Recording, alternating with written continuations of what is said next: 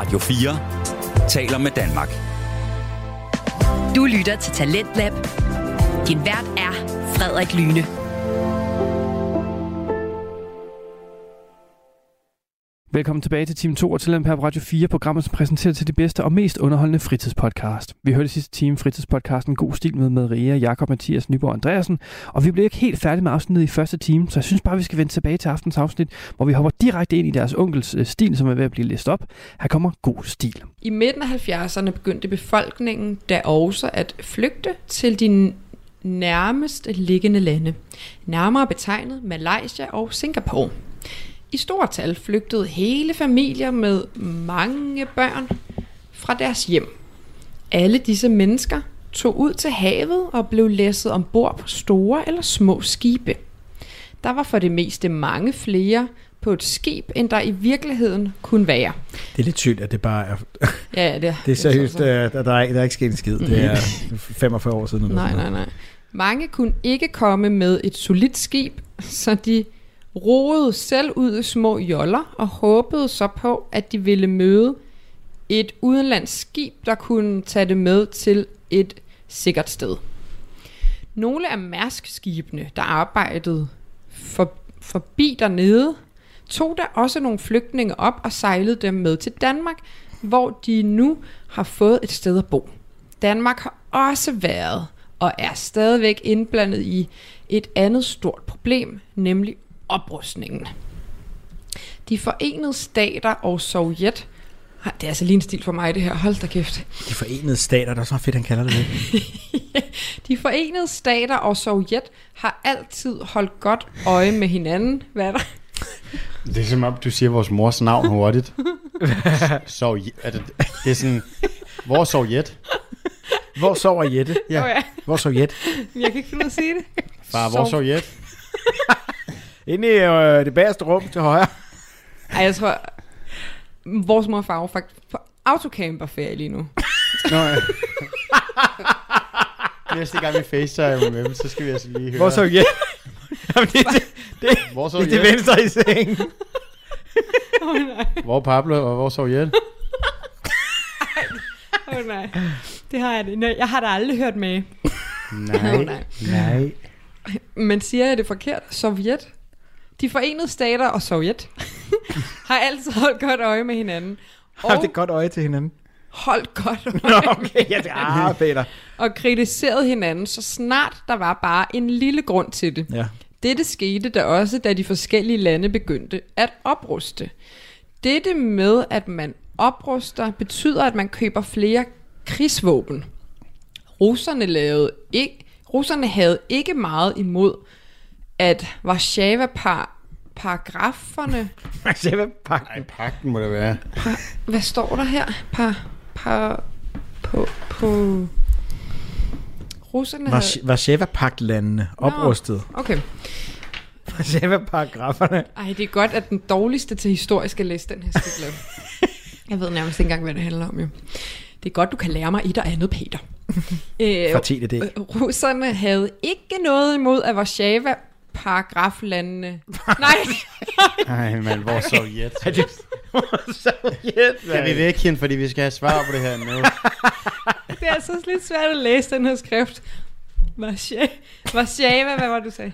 Par. Nej, vi stopper. Du, du Pagt, Warszawa pagtlandene oprustede, men af NATO-landene gjorde det var ikke var helt uhørt.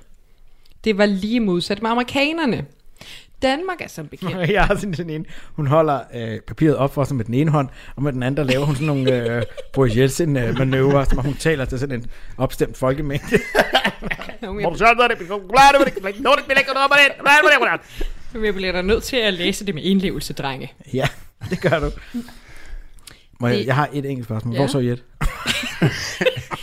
hey, hvor Sovjet? Det var lige... er du faldet i søvn derovre?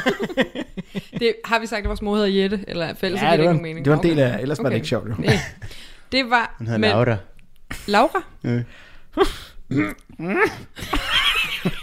det var lige... Det var lige modsat med amerikanerne. Danmark var som bekendt medlem af NATO sammen med blandt andet USA. USA vil gerne stationere våben og ammunition. Er våben og ammunition ikke det samme? Nej, Okay. det er det, du pløkker med.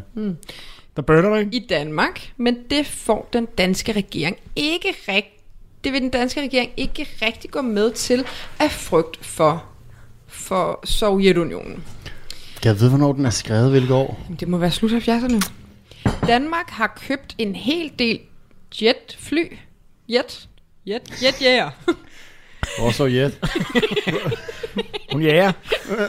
en del jetfly. Hvor Prøv, at de har købt en del. Tror ikke, det så er i... Mm. Øhm, de kører de der F-16 fly i 81, tror jeg. Nå. Jamen, så må det da være Det skrevet kan i da også 81. godt være i starten af 80'erne. Ja, må det ikke det er det, fordi så er man på vej ind i det, eller altså man er inde i det nye år, Jo. men man er Ligesom, ligesom... er, er Peter så ikke også født i sådan 84 eller, eller 4? Ja, det- Ja, klar. 64 eller sådan noget? I 1864? Uh, ja, hvor Malabok uh, døde i krig. Jo. jo, det, det, kan jeg godt, det, det aner jeg ikke. Jeg kan bare sige ja herfra til Okay, juleaften. er okay. Danmark har købt en hel del jet, jetfly, ubåde, fr- franske, nej, tanke, tanks, tanks, Franske tank.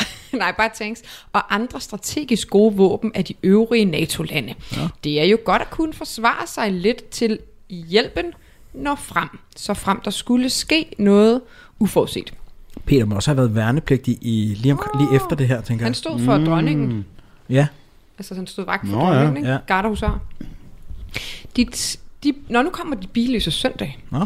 De billøse søndag var et led i en økonomisk spareplan, der blev fremsat i forbindelse med råstoffernes prisstigning. Ej, det Kend- tæller lige ind i vores tid. det er, det er seriøst. Det Øh, er fuldstændig hvor er samme. det sjovt. Det er bare med øh, andre... Øh, nej, det er Fortegn. faktisk de samme lande. I samme ja. lande og foretegn.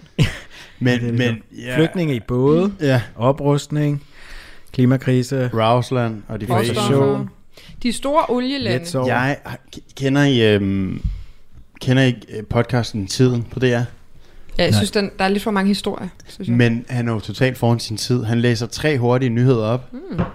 og så går Peter videre. Og Det er faktisk mega godt. Og igen, jeg elsker, at det er sådan noget, du, du vi spejler. Historisk skal være relevant, ikke? Ja. Og det er det. Ja, ja. Og vær- nærværende. Ja. De store olielande i Mellemøsten fandt på at sætte prisen på al olie i vejret. På den måde havde de sådan set de vestlige lande, deriblandt Danmark, i deres hulehånd, for olie er jo en nødvendig vare i det samfund, vi lever i i dag. Derfor, Der er heller ikke sket meget. mm, det er helt det samme. Derfor var alt unødvendigt. Hvilket også er ret vanvittigt. Altså, Fuldstændig. det, er samme, det er fuldstændig samme problemer. Altså, hvorfor er der ikke... Ja. Ja. Nu har vi sådan en chat-GPT, der kan Ja. f- fuck alle øh, mennesker fuldstændig op og gøre os er alle det sammen overflødige. Det er så det, man har valgt. Og, øh, ikke når vi bruger stadig olie og slås og flygtninge og sådan noget, men nej, nej, vi skal have chat-GPT. Ja. Derfor var alt unødvendig udkørsel i bil forbudt. Det var i den første tid underligt, at der næsten ikke var en bil på gaden, men man vendede sig hurtigt til det. Jeg synes, at det var en fornuftig måde at spare penge på.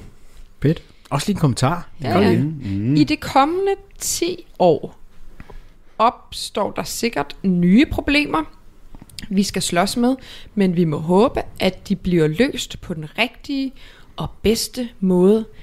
Ellers går det måske galt. Og det kan vi sige, Peter, de er blevet løst på den allerbedste måde, og i dag lever vi i fryd og fordragelighed Ja. med hinanden. Der er flyvende biler.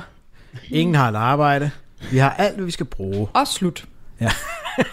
Så det var det. Er det god stil? Så den sidste sætning var, ellers kan det måske gå galt. Og jeg så i Nej, tvivl. hvad er det? Det er, næsten, det er sådan, at vi står på kanten, ikke? Og så kan det gå galt, og Jo, klima, og, men gik det galt i 80'erne? Det var var der meget fattigdom og sådan noget, ikke? Okay, jeg ved det ikke. Ja, men det var ellers efter krakket. Ja, men muren faldt jo først i 89, så vidt jeg husker. Nå, han har fået 9-8, så det må være 9 for indholdet, 8 for orden. Jeg synes ellers godt nok, at det er en orden sans, sanselig stil. Ja, hvis det der det er en 8, så prøve var jeg dumpet for fuld Ja. musik. Sygt flot. Du, du, du kan ikke engang skrive sådan her i dag. Ej, jeg tænker, Det er sygt ej, flot. det er virkelig, virkelig flot. De der, de der begyndelsesbugter. Shit. Nå, ej, okay, hvad synes vi? Hvad, hvad tænker vi om den lille anekdote fra fortiden? Det var så fedt at øh, føle, at personen talte til os, som er vores onkel, Ja. for, for over 40 år siden. Fortiden. Jeg synes, det kunne have været sjovt. Du ved godt, at vi ikke læser dem op på forhånd. Men hvis, hvis du havde læst den op inden, ikke? Mhm. Mm-hmm. og havde byttet nogle af ordene ud, altså Vietnam ud med et andet land, der, Ej, der ja. er store flygtninge hvad hedder sådan noget, øh, øh, Mathias arm øh, vinker i luften. Nej, putter du prut hen i hovedet på mig? nej, men altså hvis du har skiftet nogle af landenavn ud, og bare ikke øh, sagt, år, altså lavet om på årstallene, så havde jeg troet, det havde været i dag. Jamen, så Ja. skulle det ikke have været mig, der har læst den op, for jeg kan jo, altså, jeg kender jo ikke. Du har styr på Warszawa-paragrafen. Ja, Ja. du fandt ud af, hvor Jet sov. Og... Sovjet. Sovjet. Ej, det var sygt sjovt sagt. Det var måske det sjoveste. Sovjet. Det er det så- sjoveste, du har sagt, mens Danmark har været medlem af. Sovjet. Ja.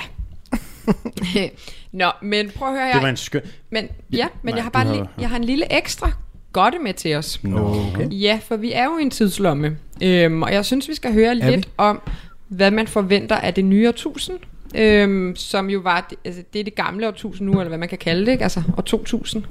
Så vi springer nogle år frem i tiden, og hører en fremtidsudsigt for et andet årti, eller et årtusind, om man skal kalde det. Forstår jeg overhovedet, hvad jeg siger? Nej, oh, jeg... Nej, jeg har, har Peter lavet en fortsættelse. Ej, han, han har taget den op, mens han 40 var år øh, godt i gang med sit uh, voksenliv. Jeg tror sgu lige, at jeg binder en krølle øh, på halen på den der stil om 70'erne. Det trænger til en part 2. Sidder der en Nej, øhm, vi har en, en lytter, vi holder meget af, som hedder Olivia Noel. Og øh, vi, læs, vi har læst en stil fra hendes hånd på et tidspunkt. Øh, det var, jeg tror, den hed Overvåget. Øh, men det var hende, som også skrev sådan en lille side med, øh, så, så I kan lære mig at kende via det her. Så havde hun skrevet nogle anekdoter om sig selv Ja, fra sit liv. Det var fedt. Og det var hende, der skrev... Med en lytter. Jamen, det var hende, der skrev, når der er Midtfyns Festival, kører jeg bagage. I år, Nå, ja. I år tjente jeg 3056. Det var en fin sum, så er der ikke mere. Nej, det er også Og det var rigtig ingen grund godt. til at sige mere end det. Så gå ind og find det afsnit, hvor vi læser øh, overvåget op, og så kan I bare høre den her dejlige øh, kavalkade af begivenheder, der er sket i hendes liv. Men det jeg bare vil sige var, at hun har øh, indsendt os en lille tale, som hun kan huske, de skulle holde dengang, øh, i, hun gik i 8. eller 9. klasse, lige omkring årtusindskiftet. Ja. Hun skrev, hun er fra 84, så kan I selv regne ud, hvornår det var. Og ja, du, der har du en, en fordel igen. Kæmpe for det, for jeg er fra 83, så jeg bliver 40 om ganske få måneder. Ja, så hun har jo så været et år yngre end dig. Hvornår, Korrekt. hvornår nærmede du dig det nye årtusind? Hvornår gik du i 8. klasse for eksempel? Jeg nærmede mig det nye 1000 i 1999. Jo, men altså... Kan du det- komme det nærmere. ja, december 99, så var det rigtig tæt på, kan jeg huske. Nå, nå, lad høre, lad høre. Jamen, vi gik- blive mere specifikke? Gik du, jamen, gik du i 8. klasse? Der ville mit spørgsmål så være. Øh, jeg, jeg tror, jeg gik i... Altså i 99 var vi på ferie på en italiensk campingplads. Der husker jeg, at du var sådan en okay, sådan lidt stor akavet teenager, så det kunne du godt have gjort. Det tror jeg aldrig, jeg har været. Så det har ikke, været, det har ikke været mig. Mm. Øh, hmm. jeg, jeg tror, jeg gik, i, jeg gik i 10. klasse i år 2000 til 2001, så jeg har gået 9. klasse i 99-2000, fordi... Det kan jeg huske. Men var det 10. D, du gik i? Nej, det var i Jupiter. Ej, havde det sådan nogle Mars-navn? Eller altså rum? Øh, ja, så, så var der forskellige øh, 10. planeter. Ja, vi havde, jeg Det var er i sådan, Jupiter. man Det var en kalder sprogklasse. børnehave. Øh, Ja, det tænker jeg da også. Ja, men det var meget, jeg f- f- forstår ikke sådan noget, men det var meget, det var kreativt. Det var en helt ny opstart af 10. klasse skole. Der var øh, fantasi, øh, virkeløst. Der skete bare rigtig meget. Vi var på to udlandsrejser. Er det rigtigt? Ja, ja, ja. Jamen, I lærte ikke så meget. Hvor sindssygt. Det lyder Jeg mødte min gamle 10. klasse der, for ikke så lang tid siden, øh, Mariette. Hun ligner sig selv fuldstændig. Nej, hvor sjovt, det var mange år siden. Wow. Men det, det minder mig om dengang, jeg startede på RUK til performance design, og vores første opgave var, at vi skulle bygge Moses. Er det ham, der går på vandet? Han skiller. Han, Han skiller vandet. Det skulle vi bygge i laks. Hvad? Hvad? Vi skulle bygge Moses, der skiller vandene i gravet laks. Nå, hvordan gjorde jeg det? Det var ret spændende. Det er da lige så bindegalt som de der 10. klasses navne. Ej, jeg, jeg, det minder mig faktisk om noget, der er endnu mere bindegalt. Det der med, med laksen. Mm. På arkeologi, da jeg startede der, der var der en, der var sådan nogle temafester nogle gange. Og en af dem hed Kød i mørke. Oh, nej. Og, øh, og festudvalget gik så ud og købte en masse sådan råt kød, pakker med bacon og forskellige udskæringer. Og så hang de det op i sådan nogle girlander og ned fra loftet, og så slukkede de lyset i det lokale, hvor festen det kunne være. Ej. Jo. Og så gik man bare rundt i Så det her. gik du rundt, så bestilte du en fadøl, og så gik du rundt, og så, så fik du lige sådan en uh, entrecôte i øjet, og som var sådan helt våd og, og rå, og givetvis, altså, springfyldt med bakterier og sådan noget. Ad. Det var kød. Kom til kød i mørke. Ej, det tror jeg ikke, man må i dag, tror du? Jamen, også bare, altså, det der, det er bare sådan hele den klimavinklen. Du kan bare en masse kød, der hænger i loftet. Ej, hvor er det Skarud, Ja, ja. det er meget med. Ja, kød mørke. Men Ja. ja. øhm, Altså det, vi fik sporet os ind på, at øh, det har så været det omkring... Jamen selvfølgelig har det også det, hvis hun skriver, hun gik i 8. og 9. omkring årtusindskiftet, så må det jo have været sådan noget 98 99. Det ved jeg slet ikke, hvorfor det den- er dig til at regne ud. Det, er lige- det, det vil være sygt godt som sådan en opsporende journalist. Det er Ja, der en skarpe spørgsmål, der bare kan studiet, bang, bang, bang. heldigvis. Nå, jeg vil forresten lige smide en føler. Der, jeg er jo arbejdsløs lige om lidt. Jeg har jo altid arbejdet freelance. Så hvis Ja. nogen står derude og mangler en graverjournalist, Gravet laks. Ja, så sig til. Sovjet. er I klar til at høre en, øh, en lille kort stil, der hedder Kære Fremtid? ja. Så skal I forestille jer, måske lukke øjnene, føl, at nu skal vi høre om, hvordan man tror, det Øjne nye årtusind bliver. Ja. Nu handler det ikke om 80'erne, nu handler det om et, et nyt årtusind. Det er sådan en tidsmaskine. Er det god stil? Kære fremtid. For mig ser fremtiden til det nye årtusind meget almindelig ud. Mange havde den mening, at jorden vil ende i det nye årtusind, og at verden vil blive styret af computer og nettet inden for de næste 50... Punktum, punktum, punktum. Jeg tror, hun mener år. Du tror ikke, du mener minutter eller sådan Nej, det er lige hurtigt, er det ikke det? 50 minutter inde i 2000. Jeg er internettet. Jeg styrer jer nu. I kan ikke bestille flere pakker på Amazon. Men jeg tror, folk har været for opskruet og meget spændte på det nye årtusind, nu hvor der ikke er noget, der sker nu hvor det ikke er noget, der sker særlig tit. Men sådan som jeg ser fremtiden, så er den meget enkel. Min fremtid er planlagt frem til, frem til de næste mange år, og år 2000 kan ikke gøre det mere specielt. Ej, det jeg godt lide, den der sådan nøgterne fuldstændig. Ja, ja. Der er ikke noget Y2K, bare vi pløjer bare. Men det kommer ikke bag på mig. Det her er også hende, der har øh, øh, gået med bagage til øh, Fyns Festival, eller Midtfyns. Ja, hun har en retning, og det jeg godt Ja, lide. hun har nemlig en retning.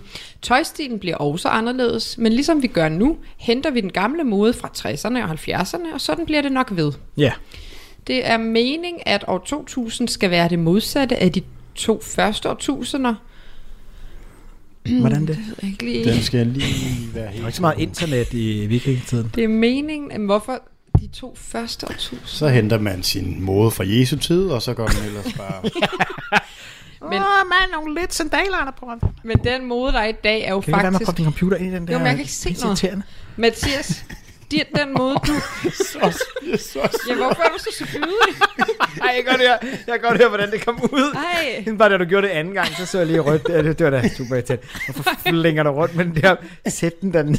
Jeg kan ikke Bordet. se noget så. Mathias har jo faktisk den samme mode, som øh, vi bedrev i 90'erne, vil jeg sige. Ja, det er Ja. sjovt, Mathias. Du har, du har sådan nogle lidt, lidt større bukser. Jeg kan huske, jeg gik i sådan nogle i Sådan år car- 99. cargo pants. ja, bare sådan nogle lidt store kopper på. Hvad er det, de hedder, de der fra 90-210? Mm, du, du, du, du. Jamen, hvad hedder øh, to mænd? Som crop tops. Brand, Brandon og Dylan og David. Og, og, og Kelly Ja. Nej, du ligner ja. ikke nogen af dem. Nej, men der var en David. På kontoret, som råbte Brandon. et af dine navn efter mig en dag. Og du vidste Fordi jeg ikke. kom ind i en, øh, i sådan, det var sådan nogle store øh, jakkesætsbukser-agtige, Åh, og nej. en øh, skjort. Er du Steve? Eller Ej. David? Han Ej. kaldte mig noget andet. Brandon? Brandon. Jeg kan ikke huske det. Ej, Hvad hedder ham der, ham der, som alle synes var lækker? ja, Dylan. Nej, Så Det var altid Det var nok Dylan og, Dylan. D- og øh, Brandon. Taylor og Brandon. Han var sådan Han lidt... kaldte øh, mig Vanessa King. Nå, okay, jamen, det, den kender jeg ikke. Det var Brandons hund. nej, det var det altså ikke. Det kan jeg, jeg så meget... Øh, Han havde en, en bil, kan jeg 90210. huske, som havde et navn. en, en beatcat. En bil. En beatcat. Han Bobcat. Ej, nu skal vi lige gøre den her Ja, færdig. Jeg ja. sveder. Hvis den computer rører den mikrofon en gang til, så skriger jeg, og så løber jeg ud over den. Jeg kan ikke tåle det. Det er øh, meningen, at år 2000 skal være det modsatte af de to første årtusinder. Vi, Det kunne jeg godt tænke mig at blive uddybet lidt. Jamen, det tror jeg ikke, det gør. Vi vil bygge alt op, så det kun kan styres via elektriciteten, og computerne vil overtage verden. Men ærligt talt er det egentlig lidt overdrevet alt med den nye verden, for ingenting vil forandre sig, som folk siger, men selvfølgelig udvikler vi os, som vi altid har gjort. Hvordan kan hun med så øh, være så stålfast i det? Jeg i tror, det? jeg, Der kommer ikke til at ske en skid. Jeg kommer til at genbruge jeg alting. tror jamen det, Jeg skal på Jeg skal toilet være i morgen dyrlæge, tidligt, det skal og- jeg også dagen efter. Ja. Men det, der er lidt mærkeligt, det er, at det er som om, den her er skrevet lige på bagkant af nytårsaften. Fordi hør, hvad der kommer nu. Nytårsaften skete der heller ingen specielle ting. Og der havde folk fra hele jorden forudset, at kloden gik under, og al elektriciteten ville ryge. Men der skete ingenting, og selvom de lovede os, at de ville holde sig parat på alle programmerne, hvis der skulle ske noget. Ej, hvor griner Men jeg tror, den er slut nu. Er det god stil? Det var meget sjovt. Men det, det er lidt sjovt det der øh, 23 år efter, at nu, nu øh, nærmer den der kunstig intelligens et eller andet niveau, hvor man begynder at synes, det er sådan lidt creepy. Ja, Også fordi, at den, øh, Men jeg synes, man bliver ved med at sige, ah, men den er stadig ikke lige så god som mennesket. Og sådan, mm. nej, men det er den om en time.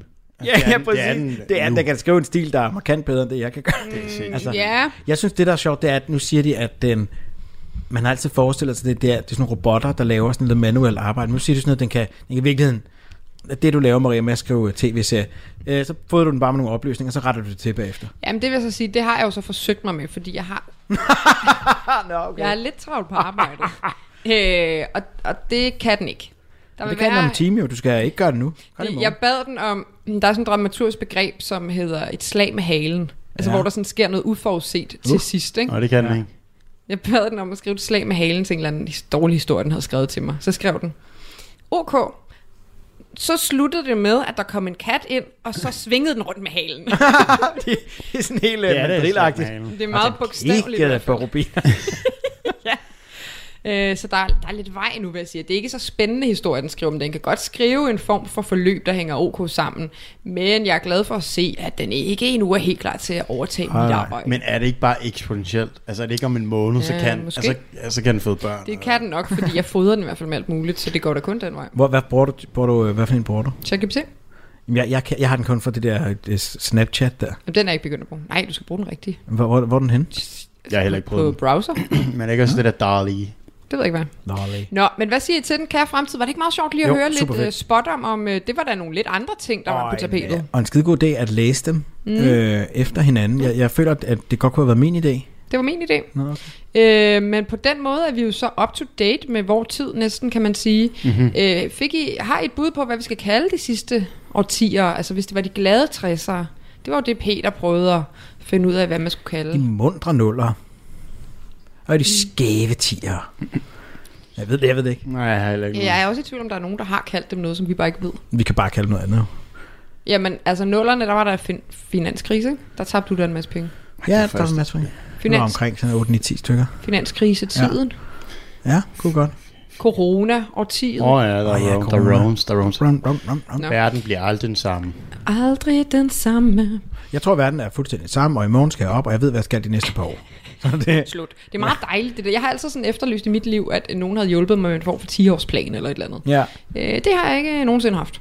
nej. Det kan godt nogle gange komme lidt bag på mig, eller sådan. Være problematisk i min hverdag. Så skal man altid opfinde alt fra nul. Kender I det? Ja. Fra år 0. Hmm, fra nul. Nå, øh, Fornøjelse at høre alle tidsdelen. Det var en dejlig måde at starte på igen. det synes jeg også. Så er vi ligesom øh, opdateret Så er på... sæson 3 i gang. Så er vores nye kavalkade afsnit skudt i gang. Jeg vil gerne have, at vi starter en ny sæson, som er sæson 3, og de andre kan ikke lide det. Nej, men vi går ikke så meget op i sæsoner, min lillebror og jeg. Vi ses i multiverset. Ja. Ja. Øh, hej.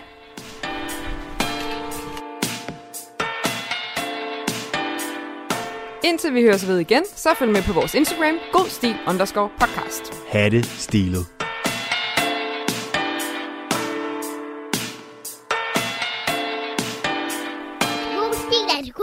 Er det god stil. Du lytter til Radio 4. Vi er i gang med aftens time 2 her i Talent på Radio 4. Det program skal give mulighed for at høre nogle af Danmarks bedste fritidspodcast. Vi har lige hørt afslutningen på fritidspodcasten God Stil med Maria, Jakob og Mathias Nyborg Andreasen. Og vi iler videre, da vi nu skal til den sidste fritidspodcast i aften, nemlig En ting ad gangen med Tobias Bjerg og Vilas Jakobsen, som er en naturvidenskabelig podcast, hvor der nørdes og hygges. Og i aften, der skal det simpelthen handle om både AI og ikke mindst om protoner. Så lad os høre, hvad de har til fælles. Her kommer En ting ad gangen. Vand består af to molekyler, oxygen og hydrogen. Hydrogen består af to partikler, en elektron og en proton. Protoner består af tre kvarker, to opkvarks og en downkvark. Sådan her har det altid været siden midt-70'erne, efter de første kollisionsforsøg bekræftede Murray Gell-Mann og Jorvan Zweigs kvarkteori. Men selv dengang var der noget på færre. Et lille bump i vores datasæt. En hentydning til, at der måske kunne være noget mere til sagen end bare tre og kvarks. ind af eksistens hele tiden ind i sådan en proton. Og det er derfor, vi siger, at du har et hav af dem. Okay. Og du kan forestille dig et, et hav af partikler, der hopper ud af en eksistens. Men der er system i det her kaos. Der er strukturer. Der er Okay. regler. Vi har nogle meget klare fy- fysiske love. Det er dog først 50 år senere, at vi ved hjælp fra AI-modeller kan komme tættere på sandheden. Velkommen til En ting ad gangen. Velkommen til Kort Nyt med En ting i gang. Og i dag, Vilas, er det dig, der skal fortælle os noget vildt, og du skal forklare mig, hvorfor det er, jeg skal interessere mig omkring protoner. Er det rigtigt? Ja, man skal jo som udgangspunkt altid interessere sig for protoner. Okay. By default. By for, default, Jeg yes. tænker, det, det er en af de få måder, du kan opnå en form for, for velvære og glæde i livet. Det fortæller mig videre i, mit, øh, i min omgangskreds. Godt. Nej, der øh, dukkede noget op på Archive her forleden. Archive er et øh, samlingssted for artikler. Mm. Øh, og er, er, det er jo et kæmpe bibliotek for forskellige artikler. Det er også et sted, hvor du lægger ting op, hvis du gerne vil være først. Ja. Så lægger du lige op på Archive, før det bliver publiceret. Fordi så er det dig, der har lavet det først. Yes. Selvom du ikke lige får det publiceret først. Smart. Øhm, og det, der dukkede op, var, jeg, en, en, jeg, jeg, jeg har jeg delte mening om det her. Jeg føler, at folk hyper AI op til noget, det ikke er. Øhm, ikke fordi det ikke er smart, men for mig at se, er det også bare, det er bare en matematisk model. Det er bare matematik. Ja. Altså, der er ikke, der er ikke mere i det end det.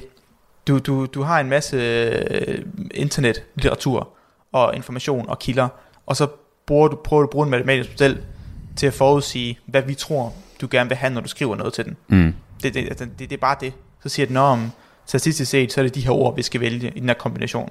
Ja. Og så er, så er vi tilfreds, og så siger vi, godt gået program. Men jeg mener bare, det, det er bare matematik, der er ikke noget i det. Øh, og ChatGPT blandt andet er notorisk dårlig til fysik. Okay. Helt vildt ringe til fysik. Så jeg kan virkelig ikke, ikke at jeg ikke bruger det, jeg bruger det, men ikke til fysik. Jeg bruger det til andre ting. Det er rigtig godt til at programmere. Ja. Bare rigtig dårligt til fysik. Så hvis du gerne vil lave noget om fysik, så kan jeg virkelig ikke anbefale ChatGPT. For den finder også bare på kilder, der ikke findes. Mm. Så siger den, om det har resultat, det er fra den her artikel. Så en artikel, der aldrig er blevet skrevet af nogen. Ja. Fordi det igen, det er bare matematik, der skriver, hvad den tror, du vil have. Den er Nej, ikke ved den- på, hvad der er Den rigtigt. ved jo ikke noget. Den det er, er bare, ikke klog. Det, nej, nej, det er bare, når du skriver noget, som, så er det nok en, den skriver bare ting. Hvor med alting er, her har den faktisk gjort noget smart. Ikke lige ChatGPT, men AI-modeller. Fordi, at i mange, mange år har vi jo sagt, at ja, okay, molekyler, vi kender det som øh, vand, for eksempel H2, det ja. består af atomer. Vand Yes. består af hydrogen og oxygen. Yes. Hydrogen og oxygen, de atomer består af mindre partikler, som vi har fra folkeskolen lært af protoner, neutroner, elektroner. Yes. Og hvis du er gået lidt længere i det her, et spæde, et spædestik dybere, så er du noget, måske godt for, at protoner består af noget endnu mindre, vi kalder kvarker. Ja. Og øh, der siger vi, at protoner består af tre kvarker, og øh, det er to opkvarks og en downkvark, og neutroner består af, altså så neutroner, ikke protoner, neutroner består af to downkvarks og en opkvark. Mm. Men det skal vise sig nu, at nogle gange kan en proton faktisk godt bestå af fem kvarker i stedet for tre. Mm. Hvorfor er det crazy? Det er crazy, fordi at en af de kvarker, som vi siger, den består af, vejer mere end protonen vejer. Ja, det, giver jo ikke rigtig mening. Intuitivt giver rigtig lidt mening, Mm. mm. at, no, at, at du har en proton, som har en vægt, og noget af det, den består af, kan veje mere end protonen. Alright. Men øh, Det er crazy. Ja. Og grund, hvorfor det er det vigtigt, det er jo fordi, at protoner er alle steder. Hele vores periodiske system, alle vores materialer, alt hvad vi er lavet af, det er bare kombinationer af protoner og neutroner. yes. Og hvis jeg skal lave forsøg for at prøve at forstå det bedre, eller hvis jeg skal forstå universet endnu bedre, prøve at forstå, hvordan stjerner formerer sig, hvordan Big Bang udvikler sig, så er protoner ret vigtige, for det er alt, hvad der er. Så mm. Mm. det er svært at lave ny fysik, eller prøve at vide noget om universet, hvis det, som hele verden, universet består af, er protoner og neutroner, at du ikke forstår dem. Mm. Så det er fuldkommen fundamentalt for at lave noget som helst ny forskning inden for fysik. Det er, at du ved, hvordan protoner og neutroner virker. Fedt, Vilas. Du har nu overbevist mig om, at jeg gerne vil vide mere om protoner. Præcis. Lad os komme i gang. Godt. Du lytter til En til en gang med Vilas Jacobsen og Tobias Bjerg.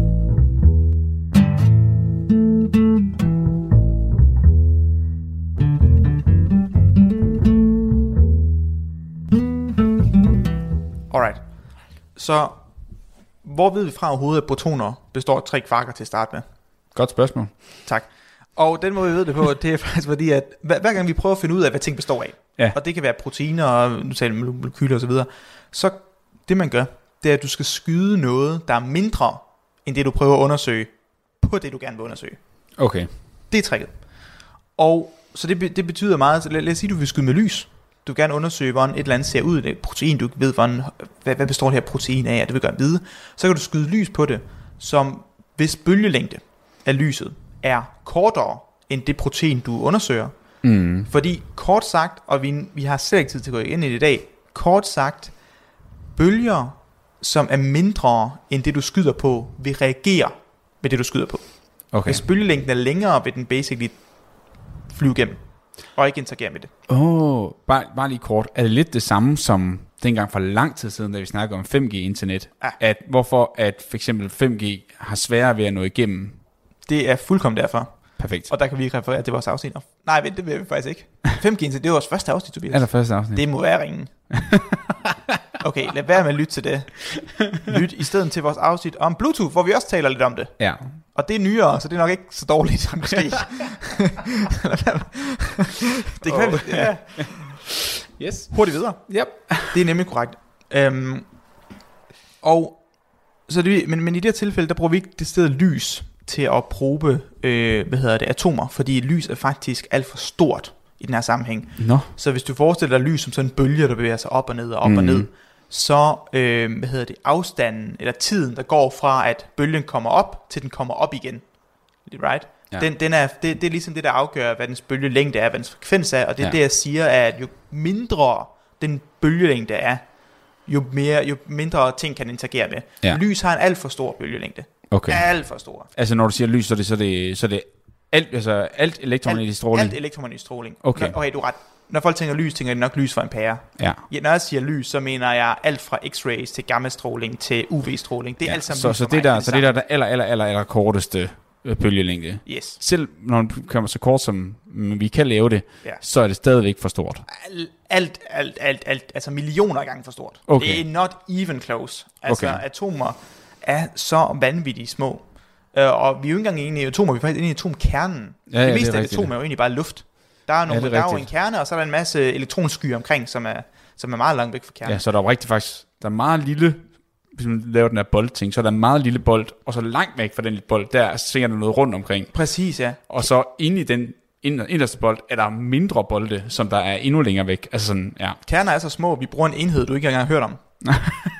vi bruger femtometer. Eller det ved jeg ikke, har du hørt om femtometer? Femtometer. Jeg går ud fra, at det betyder noget øh, Nej, det ved jeg ikke. Det er, hvad hedder det, så hvis vi siger, at en, en øh, hvis vi siger, at øh, en, en nanometer, Ja. right, det er jo en milliarddel af en ting. Ja. Det er 0,90 og så 1 af en meter. Det er Yes. meget, meget, meget, meget, meget lidt. Femtometer, det er 0, og så ikke 9 nuller, det har været en nanometer, men Mm. 15 nuller. Åh, oh, 15. Yes. Okay. Okay? Ja. 15 nuller og så 1. Så 0, og så 15 nuller og så 1 meter. Så småt er det. Ja. Meget, meget småt. Og en kerne er typisk et par femtometer. 2-3 femtometer, alt hvad det er for en kerne. Ja.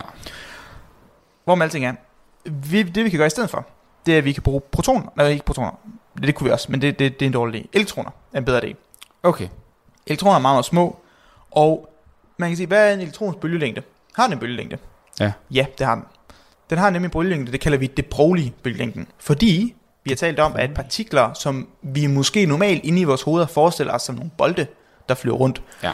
når vi har et system, der enten har meget lav energi, eller at vi kommer meget, meget tæt på elektroner, så ser vi, at elektroner og partikler generelt ikke er bolde, men det er faktisk bølger, Okay. hvilket er en del af det fundamentale bag kvantemekanik. Yes. Hvorefter vi kan referere til vores afsæt om kvantemekanik. kvantemekanik 101 og 102, som vi Ja, har lavet. ja. Så en elektron er ikke en bold, det er en bølge. Så den har faktisk også en bølgelængde. Okay. Og endnu vildere, den bølgelængde afhænger af energien af elektronen. Så det er ikke noget, som er ligesom øh, det, vi kalder intrinsisk. Intrinsisk er ligesom en, en, en fundamental Egenskab. ting, egenskab ved Ja. elektronen. For eksempel er en fundamental egenskab ved dig, kunne være, at du kan trække vejret, og at du har et hjerte og lunger. Det er sådan en intrinsisk egenskab ved mennesker. Mm, at ja, de man kan kan sige, at et, menneske skal bestå af det her, før vi kalder det for et menneske. Præcis, ja. ja. På, fuldkommen. Og, og det er det samme med de her. Så det vil sige, at bølgelængden af elektronen er ikke en intrinsisk værdi. Du kan justere på den mm. ved at skrue op på energien af elektronen. Okay? Så det du kan gøre, det er, at du kan skrue energien op, høj, høj, høj op, sådan så at elektronens bølgelængde bliver meget, meget, meget, meget lille, og så kan du banke den ind på nogle protoner, eller neutroner, men protoner er mere spændende af nogle oversager, jeg ikke har tid til at gå ind i. Og så kan du interagere med de her kvarker, de her endnu mindre dele, de her bestanddele okay. Så- af protonen. Så du siger, at elektronens energi, når des højere elektronens energi Ja. er, des mindre bliver bølgelængden. Ja. Okay, super. Så man sørger for, at elektronerne har så høj energi, at de kan interagere med, hvad der er inde i kernen. Mm. Og på det tidspunkt, den her gang, det var en gang i 60'erne og 70'erne, man lavede de her forsøg. Og der vidste man jo ikke, hvad en proton bestod af. Det, det er vigtigt at sige. Man havde Mm. nogle teorier, øh, men man anede ikke. Så man prøver egentlig bare at lave et forsøg, hvor man skruer højere og højere og højere op for elektronens energi, sådan så bølgelængden bliver mindre og mindre og mindre og mindre, indtil man lige pludselig ser, at den reagerer med noget. Så er der måske et tegn på, okay, nu har vi ramt den størrelsesorden af bølgelængde, vi skal bruge for at interagere med materialet, og så ved vi, hvor stort materialet er.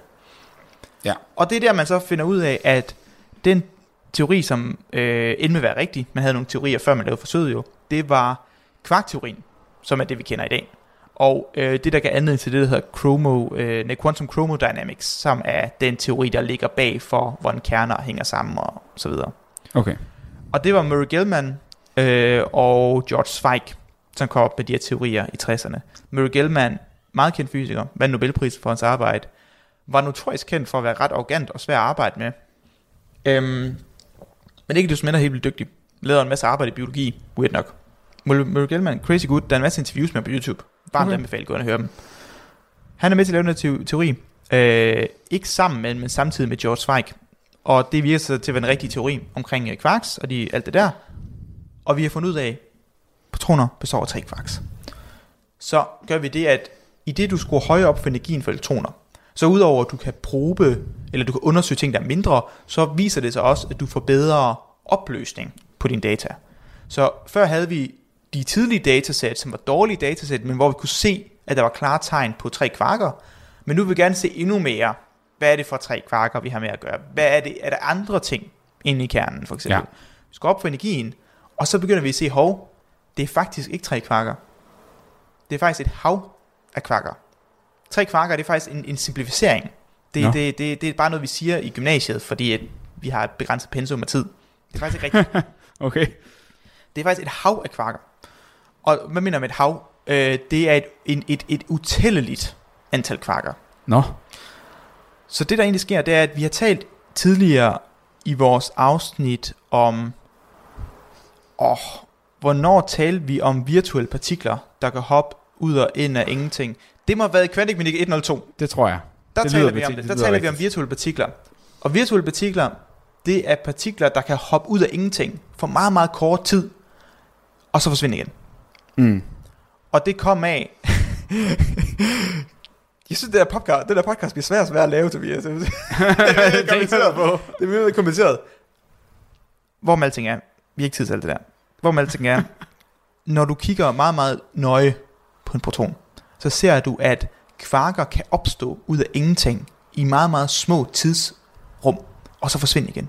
Okay. Så jeg vil sige, at når du kigger nøje på sådan en proton, så vil der hele tiden hoppe øh, kvarker ud af ingenting. De bliver lavet af nogle øh, partikler, der hedder gloner, som er det, der binder kvarkerne sammen. Gloner er den kraftbærende partikel i den stærke vekselvirkning, som vi har dækket i vores afsnit af grønne stærke vekselvirkning. Jesus Christ. Så der springer kvarker ud og ind af eksistens hele tiden ind i sådan en proton. Og det er derfor, vi siger, at du har et hav af dem. Okay. Og du kan forestille dig et, et hav af partikler, der hopper ud af en eksistens. Men der er system i det her kaos. Der er strukturer. Der er Okay. regler. Vi har nogle meget klare fysiske love, der siger, der er nogle regler, der skal være overholdt i sådan nogle systemer. Det kan være, at energien skal være bevaret. Right? Så du skal ikke lave, øh, der må ikke være mere energi i dit system, end du putter ind. Okay. Eller at der kan være alle mulige andre restriktioner på de her ting. Der kan være nogle bevaringslove, der siger, at du kan gøre, hvad du vil, men du må ikke ændre det her. Det her skal være det samme hele tiden. Ja, ja. Og ud fra de restriktioner, så viser det sig, at mange af effekterne, der vil være ved at kvarker hopper ud af en eksistens, det kan faktisk simplificeres til at sige, at det her hav af kvarker er faktisk fysisk ekvivalent til tre kvarker, Mm. bestående af to opkvarker og en downkvark. Okay, så det, det, det effekt, som man ser på baggrund af de her hop ud af en af eksistens, Ja. det vil svare til, hvis du bare havde de tre, du lige nævnte. Ja, Okay, det vil i de fleste tilfælde opføre sig ens. okay, Jeg kan så, måde. men så siger jeg jo så, at når du så går op til høje energier, så kan du godt se, okay, der er nogle effekter ved det her kvarkhav, som tre kvarker ikke kan forklare, men i langt de fleste tilfælde, at, at vil de opføre sig på samme måde. Okay, og er det så det, som de har fundet ud af i den nye artikel, at der er med højere energi nogle ting, der ikke kan forklares ved tre kvarker? Det skulle man nemlig tro, det er faktisk ikke det. Nå. ja, men altså, jeg prøver... Men, det kommer her. Det man så fandt ud af, det er, at de siger, okay, kvarker hopper ud af en eksistens. Der er forskellige typer af kvarker. Nu sagde jeg, der er op og down, så er også nogle andre. Mere interessant, så viser det sig, at man, når, man, når man kigger på det her, så hopper der ud af en eksistens nogle kvarker, der hedder charmkvarker, eller en C-kvark. Hvorfor er det underligt? Det er fordi en C-kvark vejer mere, end en proton gør. Ja. Det er weird. Fordi, okay, kvarker hopper ud af en eksistens, men hvordan kan der lige pludselig blive dannet en kvark, der vejer mere end hele protonen? Hvordan er der energi til det? Det er mega weird. Og det vil så sige, at, og, og det de egentlig kunne se, det var at, okay, det man sagde i starten, det var, at man sagde, ja ja, prøv lige, John, hvis man hed John. Når du skyder elektroner ind på din proton her, right, så har elektronen jo også en energi. Ja. Så du tilføjer jo energi til det system, og så er det Ah. derfor, du kan danne C-kvarker, right? Ikke? Lige, lige tænke Brug jer inde om. siden af... Lige, ja, det må man godt nemlig. Ja. og, men det man så så, det er, når man gør energien lavere, og begynder at sænke energien, så man får dårlig opløsning, så kunne man stadig se tendenser til, at C-kvark bliver dannet. På trods af, at nu, nu tilføjer du ikke nok energi mere til at få dem lavet, for nu sænker man energien af elektronerne under energien, der vil svare til massen af en C-kvark. Du ved, for E lige med MC i anden. Masse af energi er det samme. Så du sænker energien af elektronerne, så den kommer under massen af øh, C-kvarks eller charmkvarks, så de kan ikke blive dannet mere. Men det gør de alligevel. Ja. Og så begynder folk at tænke, okay, prøv lige hold, hold, hold. Er der er, er C-kvarks egentlig en intrinsisk del af protonen? Ja. Så lad os sige, at vi ikke skød på protonen, vil der så kunne blive dannet C-kvarks en gang imellem? Måske ikke hele tiden, måske kun for et kort veje, fordi vi hopper ud af en eksistens. Men vil det så være, at når du faktisk nogle gange måler på proton, hvis du er meget, meget heldig, eller uheldig, alt hvordan du ser det, så i det øjeblik, du skyder på den, det er faktisk lige et kort øjeblik, hvor protonen faktisk, det overordnede system af hav af kvarker, mm. faktisk består af fem kvarker, eller at Okay. resulterer til opførelsen af fem kvarker. Ja. To up-kvarks, en down, og to C-kvarks. En C og en anti-C-kvark. Hmm. Det er det, de siger. Så siger folk, jo, jo mad. Altså i den nye artikel her, eller hvad? Det her var allerede postuleret tidligere, Okay. at det kunne være tilfældet. Men det bevismateriale for, at nu sagde jeg det der med, at du går ned til lavere energier for at Mm. se, om C-kvark stadigvæk kan blive dannet. Det gør jo så også, at din data bliver dårligere, det der jeg sagde med lave energi, Ja, så det er svært at bruge. ja, ja. Så folk sagde, okay, det der data, du kigger på der, det er eddermame tyndt. Ja, så er det, Det- ligesom at se på et meget pixeleret billede og være sådan, du ser noget der, og du mener, det er en fodbold, men altså, det du ser bare noget, der er hvidt og lidt ja, sort. præcis. Mm. Det, det, det er lidt sådan, okay, slap af. Øh, det er faktisk en, der Stanley Brodsky, som kom med den her teori. Så Okay. lige, Stanley, take a chill pill. right? Ikke John, det er Stanley. Ikke, ikke, ikke John. Nå, nu, nu, har jeg lige godt bruge de rigtige navne, Ja, ja, det- det er for at lave de her ting. Øhm, og det der så skete, det var, at ja, nu har nu er der så gået nogle år. Vi har lavet mange forskellige de her forsøg. Det er stadigvæk helt vildt svært at sige, om C-kvarks er naturligt forekommende i protoner, også når vi ikke skyder på dem. Men vi kan lave forskellige protonmodeller. Vi kan, vi, jeg kan jo lave en, øh, teori om, hvor jeg siger, at en proton består af det og det, og så ud fra den her model kan jeg forudsige, hvordan protoner skal opføre sig. Mm. Og du kan lave en model. Og det der er problemet med modeller af protoner, fordi når du har med en stærke vekselvirkning gøre, det er, at du har for mange frie variable, kalder vi det. Og en fri variabel er basically bare et tal i din model, som du ikke ved, hvad er, som du kan skrue på og kan ændre Mm. sig. Og det gør også, at du, når, du har, når du har en model, eller du har en ligning, som har mange variable, mange x'er og mange y'er, Ja. så har du meget mindre kontrol over, hvordan den ligning opfører sig. Og det er meget sværere at sige noget om det, fordi den afhænger af en masse parametre, som ikke er faste, ikke Mm. er konstante. Og det gør, kort sagt, at du kan lave rigtig mange ligninger, som egentlig giver det samme svar. Ah, ja. Og det er lidt, ikke trivielt det her, jeg siger. Jeg ved, du arbejder lidt med det, men hvis man som lytter tænker, Vilas, hvad, hvad, snakker du om? Ja, men, Det, det er altså meget naturligt, men, men, man kan, det, man det kan sige, normalt, man tænker det. er ikke, nu- det er en analogi, som ikke passer til det her, men hvis vi forestiller sig ideen i, at der er flere linjer, der giver samme resultat, så kan man sige, hvis det handler om for mig at komme fra den ene ende af byen til den anden ende af byen, så er der mange forskellige både metoder, du kan rejse med, der er også forskellige veje, du kan tage, der kan være forskellige tidspunkter på dagen, du kan tage, som alle sammen spiller ind, hvor at hvis du ved, at det tager 20 minutter at komme fra den ene til den anden af byen, så er det ikke så kan du ikke sige med det samme, at du har taget den her vej her på det tidspunkt dagen. Du kan jo have gjort Præcis. det klokken 6 om dagen, men så har du taget den vej, der er flest lyskryds, fordi der er ikke, og så videre, og så videre, og så videre. Kan man sige det på den måde? Det er alle de forskellige variabler, som sådan... For en, en gang skyld vil jeg faktisk sige ja, Tobias. Det kan man godt sige på den måde. Yes! Analogi, godkendt. Tak. Det er nemlig det. Og så, så man har det her problem. Man kan lave mange modeller, som egentlig er forskellige opbygget, men kan forudsige det samme, når du kigger på nogle specifikke tilfælde, hvor de tilfælde så er de eksperimenter, vi har lavet. Ja. Så når vi så kigger på, hvad hvad er dataen, hvis vi skal sammenligne vores model med, så er alle de her modeller faktisk cirka det samme. Og det, der så er endnu værre, det er, at hvis du nu laver en model, Tobias, hvor som indeholder teorien om, at C-quarks kan opstå naturligt i protoner. Ja. Hvis du laver den her model, og du kan vise, hov, den er faktisk bedre end min model til at forudsige data, så betyder det ikke, at det faktisk er rigtigt. Det det bare betyder, det er, at der kunne godt en, eksistere en anden model, som ikke indeholder C-quarks, som er endnu bedre end din. Okay. Fordi at det er det, der er problemet, når du har mange frie variable. Det er, at der er egentlig tusinder af potentielle modeller, du kan lave. Mm. Fordi der er så meget frihed. Der er for få restriktioner for, hvad din model kan indeholde. Det eneste, den her model skal indeholde, det er, at der er nogle generelle ting, vi ved om naturen, og skal den passe med de her datasæt. Ja. Det er det, du har. Men hvad du gør ud over det, er, er fair game. Ja. Og det, det betyder, det er, at der er faktisk tusindvis af modeller, du teoretisk set vil kunne lave. Tusindvis modeller, Ja. som opfylder de her krav. Ja, ja, ja, på den måde, ja. Så det vil sige, at nogle af de her modeller vil indeholde øh, C-quarks, nogle af modellerne vil ikke vil gøre. Mm. Men det er ikke sikkert, at du har fundet den bedste model. Du har bare fundet en, der er bedre end den model, jeg havde, som ikke havde C-quarks. Ja, ja, Men, men jeg, der er måske, jeg kan måske godt lave en anden model, der ikke har C-quarks, som er endnu bedre end din, fordi som sagt, det rum, eller det potentiale for modeller Okay. er alt for stort. Så mængden af modeller, der findes, er så astronomisk stort, Ja, det er ikke nok bare at lave en enkelt og sige, se hvor god den er. ja. Fordi så kan jeg, så kan jeg sige, åh, Tobias, og så bruger jeg det næste måned der på at komme op med en anden model, som ikke indeholder C-quarks, som måske er bedre end din. Og så, ligesom, Og så kan du gøre det i næste. Så er det dig, dig mod mig, Præcis. ord mod ord sådan, og ja. nogle gange i matematik kan man bevise, at der ikke findes modeller, der er bedre end det her. Mm. Det kan man ikke her. Okay. Introducere AI. Mm.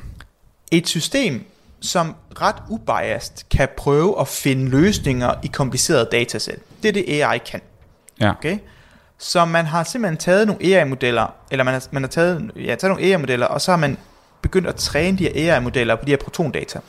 Du har selvfølgelig lavet en masse restriktioner. Der er en masse fysik i, for AI-modellen ved ikke noget om fysik. Nej, nej. Så du skal sige en masse naturlov, der skal være overholdt, specielt relativitetsteori skal være overholdt, fysikkens love skal være overholdt, og det skal matche det her data. Du putter alle de restriktioner ind, Ja. men så giver du den ellers frit game Ja. til at gøre, hvad den vil. Og så kan den her AI-model, den kan teste, før, de, hvis vi kigger på historien, så har vi måske testet 3-4 modeller om året. Ja. Det er det, fysikere lige havde tid til. Og øh, fordi det tager lang tid at gøre det her. Ja. Den her AI-model kan jo teste tusindvis af modeller om dagen. Mm. Så de har bare ladet den køre, og efter den har testet tusinder og tusinder og tusinder og tusinder og tusinder modeller, så er den nået frem til, at den bedste model til at passe data, den indeholder C-quarks. Okay. Og så er vi ved at være der, hvor man siger, nu har vi testet en del. Det er selvfølgelig ikke den eneste, der er nok andre modeller ude, som ikke er blevet undersøgt endnu, men fordi vi har undersøgt så mange, og det er flere, man nogensinde har gjort før. Er det det, man så? Præcis, ja. Ja. Det er ved at være et ret stærkt argument, Mm. ikke?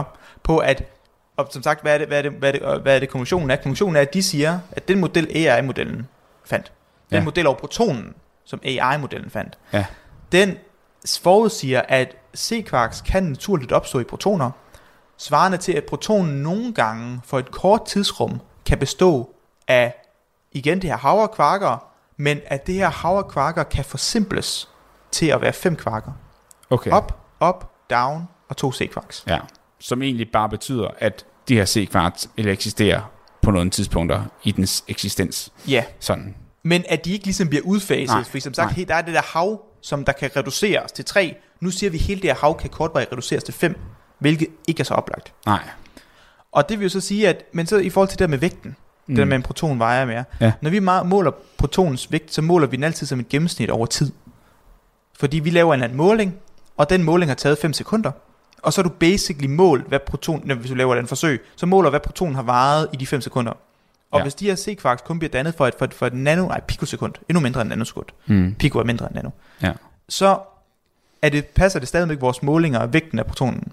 Fordi vi måler over så lang tid, at hvis, hvis C-kvark kun lige eksisterer et kort tid, så i gennemsnit over sekunder og minutter, Mm. vil det stadigvæk være den vægt, vi måler Okay. protonen til at være. Ja, ja, ja. Men vi er faktisk ikke helt færdige. Der er lige en sidste bemærkning. Da de har sammenlignet deres model til data, så har de fundet ud af, at modellen kan forudsige eller repræsentere dataen fra alle deres eksperimenter med en præcision, der hedder 3 sigma. Det ved du måske lidt om i forhold mm. til statistik. Ja. Og det her mål, det er egentlig for at sige, hvis vi kastede terningerne i vejret og gjorde det her tilfældigt, right? Vi tog nogle tilfældige data. Ja. Hvad er chancen egentlig for, at vores data helt tilfældigt passer på den her model? Ja. Så det vil sige, at der er ikke nogen system, der er ikke nogen love, der er ikke nogen tendenser. Du har bare kastet terningerne og været uheldig på grund af, hvordan statistikken ja, fungerer. du kan i princippet kaste terningen 10 gange og slå den 6 hver gang. Ja, præcis. Så hvad er chancen for, for det? Og så, så, så har vi de her mål for at sige, hvad er chancen for, at vores model bare passer tilfældigvis på data? Ja. Og 3 sigma betyder basically, at hvis du laver de her forsøg og laver de her eksperimenter, så hver tusinde gang vil du få, og lad os sige, at dine eksperimenter er tilfældige, og ikke repræsenterer din model. Ja. Så de har ikke noget med hinanden at gøre. Så hver tusinde gang du laver dine eksperimentelle målinger, så vil du få noget, der passede lige så godt, som vi har her. Okay, sådan tilfældigt. Ja. Ja. Det lyder godt, men det er ikke godt nok. Nej. Vi laver mange forsøg, vi laver tusindvis af forsøg om året. Ja. Så hvis vi bare gik efter, at det var okay, så ville vi få ma- rigtig mange falske positive match Mm. mellem teori og Ja, data. ja, ja. Den gyldne regel inden for fysik er 5 sigma, Okay. som vil sige, at det skal være en ud af en million chancer, Okay. for ja, at data Ja. passer med Ja. teori. Ja. Og det er nok også noget at gøre med, at vi har snakket om her om fysikkens lov, og det er rimelig vigtigt, at man er helt sikker på, hvad man Præcis. er. Ja. 5 sigma er i de fleste øh, videnskabsgrene fuldkommen umuligt at opnå. Okay. Ja. Altså, Altså, ja, det er, øh, jeg, jeg er 100%, ja. De fleste, jeg, jeg læser mange artikler, og siger vi, det her passer godt inden for 1 sigma. ja. Eller 2 sigma, hvis du er nice. Ja.